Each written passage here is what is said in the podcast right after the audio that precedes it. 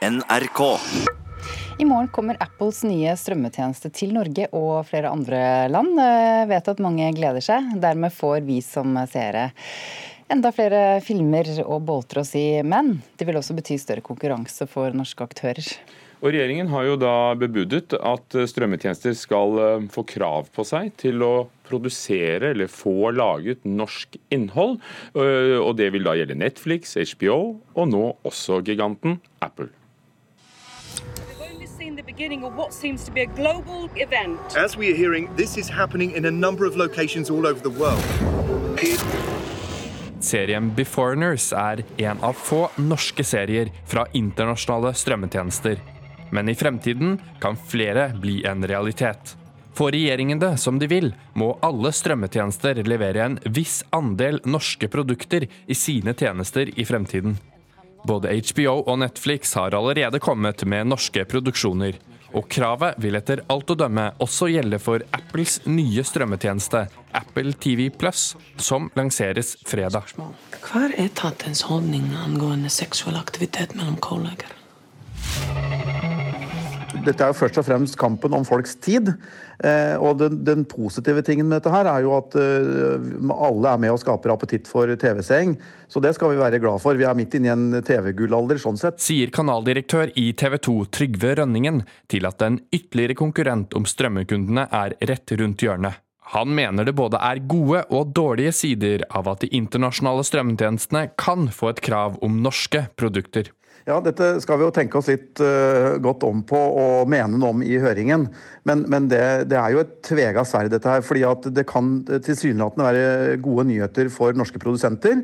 Og det at man får mer norsk produksjon, eller mer uh, penger inn til uh, norsk produksjon, det kan være godt nytt for oss alle. Men, men effekten av det kan jo være at man styrker de globale aktørene. Og det er ikke gitt at det er gode nyheter for oss bransjen blir bedre av det. Bransjen blir mer proffe av at stadig flere må lage norsk innhold, ikke bare eh, smelle ut eh, si 20-30-40-50 amerikanske produksjoner eh, i året. Pressesjef i Viaplay, Fredrik Olim, er derimot ikke veldig bekymret for en mulig økt konkurranse på norske serier. Det har vært vår strategi i mange år nå.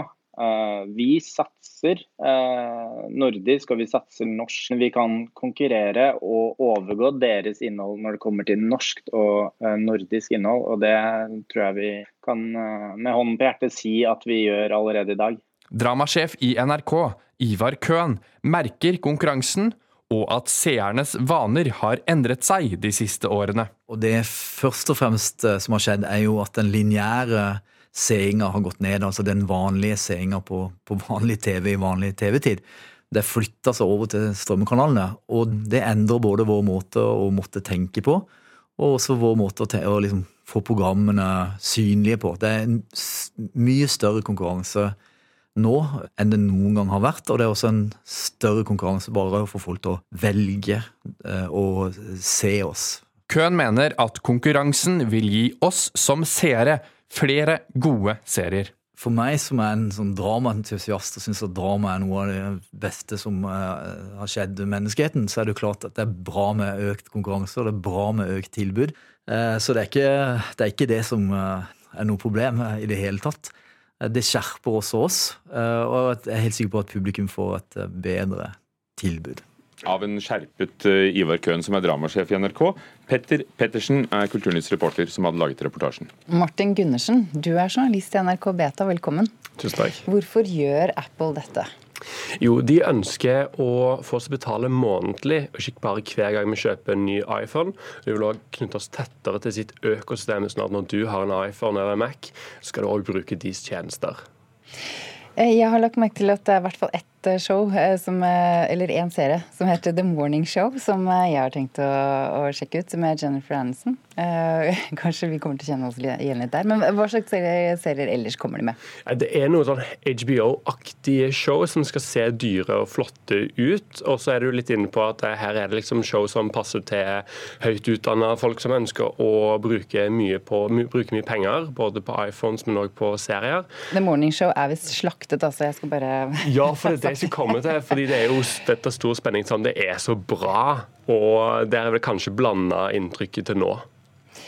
Men eh, hva gjør dette da med konkurransen mellom eh, de store og de små, f.eks. da norske aktørene? Ja, dette setter jo virkelig bare temperaturen opp, for vi venter jo egentlig på Disney som skal komme bare noen måneder senere.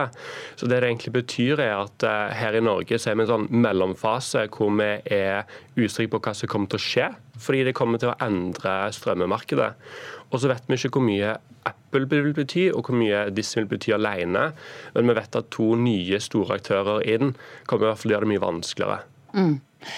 Hvis regjeringens ønske da om å innføre krav til alle strømmetjenester eh, om at en viss andel må være norske produkter, eh, hvis det blir en realitet, eh, hva vil det gjøre da for norske aktører? Det vil jo være en ny inntektsstrøm og en mulighet til å fronte seg. Det man ser er jo at disse store strømmetjenestene vil ha innholdet i hele verden. Og Det kan bety at norske show eksponeres i Europa og USA, og man kan få kanskje noen skamhits som sprer seg.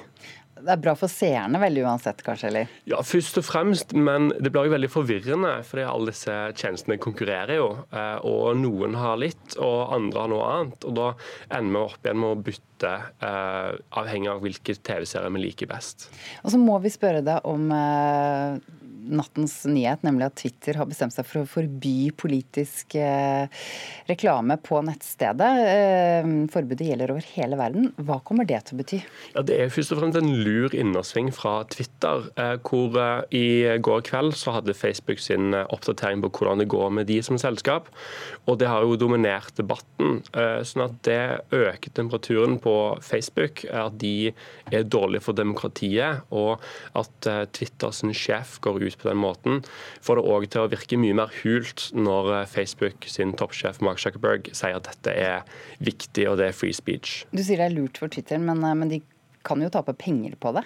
Ja, men det er ikke en kanal som er først og fremst kjent for eh, politisk reklame. Eh, for Facebook er det mye større i volum, og for Twitter så er det nok større PR-gevinst. Ja, Så er Twitter eh, betydelig mindre enn Facebook? Ja, og de har jo hatt sine problemer med kritikk for at det oppfattes som en veldig giftig plattform med mye trakassering. Og dette får jo kanskje til å eh, Man glemmer litt av de problemene Twitter har, når de fremstår som bedre enn Facebook. Takk, Martin Gundersen i NRK Beta.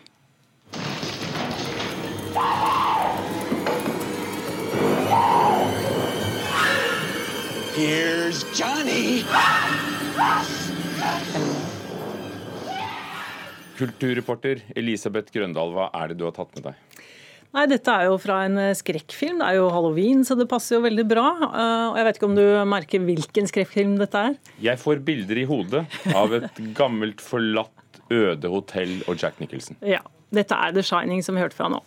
Og Oppfølgeren av denne legenden av en skrekkfilm fra 1980 kommer faktisk på kino her hjemme om to uker. Og så er jo det store spørsmålet vil filmen ha med seg det store, skumle hotellet igjen? Og Svaret på det finner vi i en historie om to svært berømte menn som ble grusomt uenige.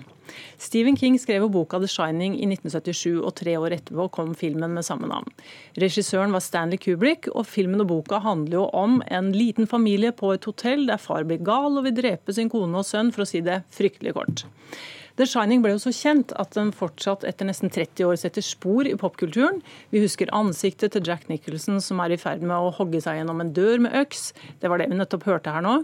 Vi husker en liten gutt på trehjulssykkel på et gulvteppe med sekskantet rutemønster. Mange bilder sitter igjen fra den filmen, som jo fortsatt er et stort fenomen. Men det var et men, og det er et stort men. Og ja, for, for, det er jo også det at vi er et land med mange høyfjellshoteller. Noen av dem forlatt, blitt til andre ting. Noen av dem helt tomme. Det har blitt veldig vanskelig å gå i et uh, tomt uh, høyfjellshotell etter den filmen her. Men det mennet handla ikke om høyfjellshotell, Ugo. Det handla om Stephen King, som skrev boka. Han hater filmen. Og de beskrivelsene han har gitt av filmen, er drepende. Skal jeg fortelle litt om de? Kom igjen. Han sa at The Shining er som en stor, vakker Cadillac uten motor. Altså et pent, tomt skall. Han mener den kvinnelige hovedrollen fremstilles med kvinneforakt, og hovedkarakteren Jack, som spilles av Jack Nicholson, får slakt. I boka er han en mann som sliter med å beholde sin mentale helse og til slutt blir gal, en tragisk historie. Men i filmen sier Stephen King at Jack Nicholson er gal som en rotte fra første sekund. Alt han gjør i filmen er å bli galere, og tragedien fra boka er borte. Så Stephen King hater filmen. Men så skrev Stephen King en ny bok, en oppfølger til boka The Shining for seks år siden. Der møter vi igjen den lille gutten Danny som er blitt voksen i en forferdelig skummel historie. Og så tenker vi kanskje at eh, dette gir jo ikke Stephen King tillatelse til å filmatisere etter den fæle opplevelsen. Men jo, han gjør akkurat det. Om to uker kommer oppfølgeren. Den heter Dr. Sleep, og forventningene til den er store. Så det er blitt film, og ikke bare det. Den nye filmen har med seg Det skumle hotellet gjenskapt med presisjon og liksom millimetermål.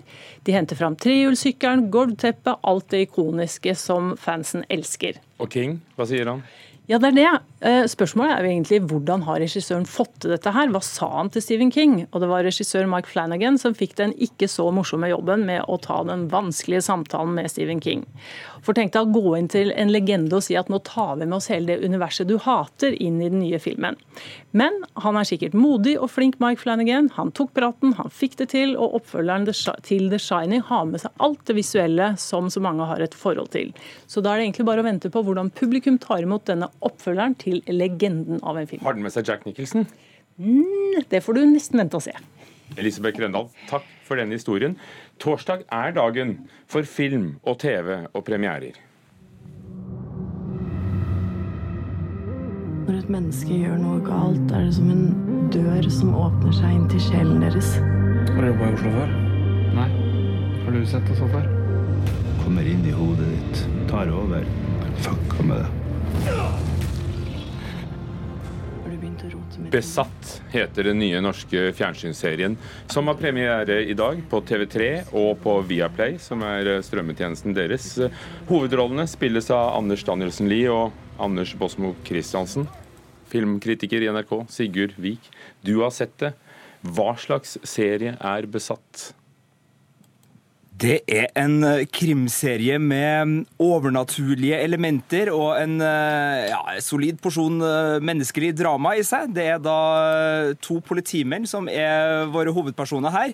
Ganske klisjéfylt opplegg. De er et umake par som, der den ene er en litt sånn røff, gatesmart fyr med ring i øret, spilt av Anders Bosmo, og den andre en litt mer moderne og mild type, spilt av Anders Danielsen Lie. Så dukker det opp fire lik, noe som setter i gang en etterforskning. da. Og så er det heldigvis heldigvis sånn at uh, disse to etterforskerne har litt uh, bagasje og litt mer under overflaten enn ved første øyekast. Så det er en serie som uh, er mer opptatt av å undersøke sine hovedpersoner enn akkurat å være en drivende, spennende krimplott-mysterie.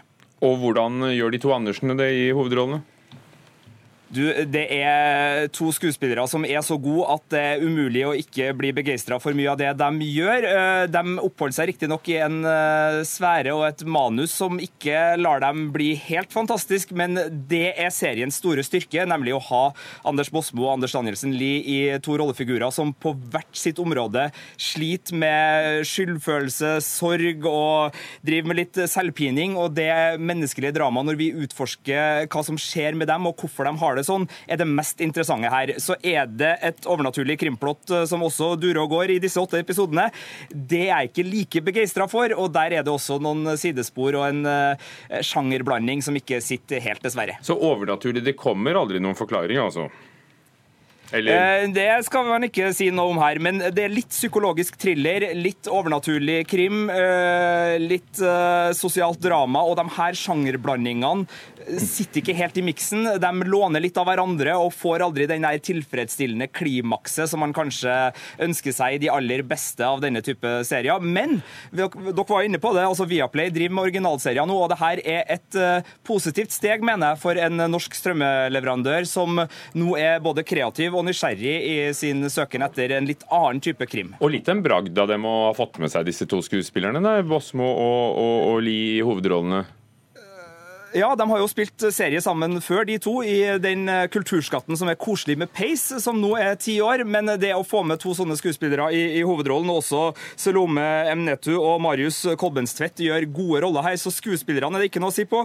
Rune Denstad Langlo og Erik Svensson, gode filmregissører og serieregissører som eh, skal fungere godt, men det er nok manuset og, og kanskje et litt for ambisiøst visuelt uttrykk som eh, gjør at det her lugger litt.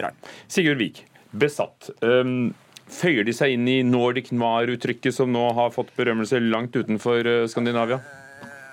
Heldigvis så er de mer nysgjerrige enn som så, men det er selvfølgelig en visuell palett som eh, låner mye her. Det er veldig regntungt. Det er en litt sånn skitten thrillerestetikk som David Fincher spesialisert i filmen Seven på 90-tallet, som det her trekkes på. Hvor det er mye lommelykt i, i veldig, veldig mørke kjellere. Eh, Men sjangerblandinga gjør at det her er friskere enn den her klassiske eh, lasta etterforsker på morderjakt i Skandinavia. Og takk Sigurd Vik for at du lyste opp i, krimmørket for oss, besatt av premiere på TV3 og Viaplay i dag. Også alle anmeldelsene våre kan du som vanlig lese på Filmpolitiets sider på nrk.no.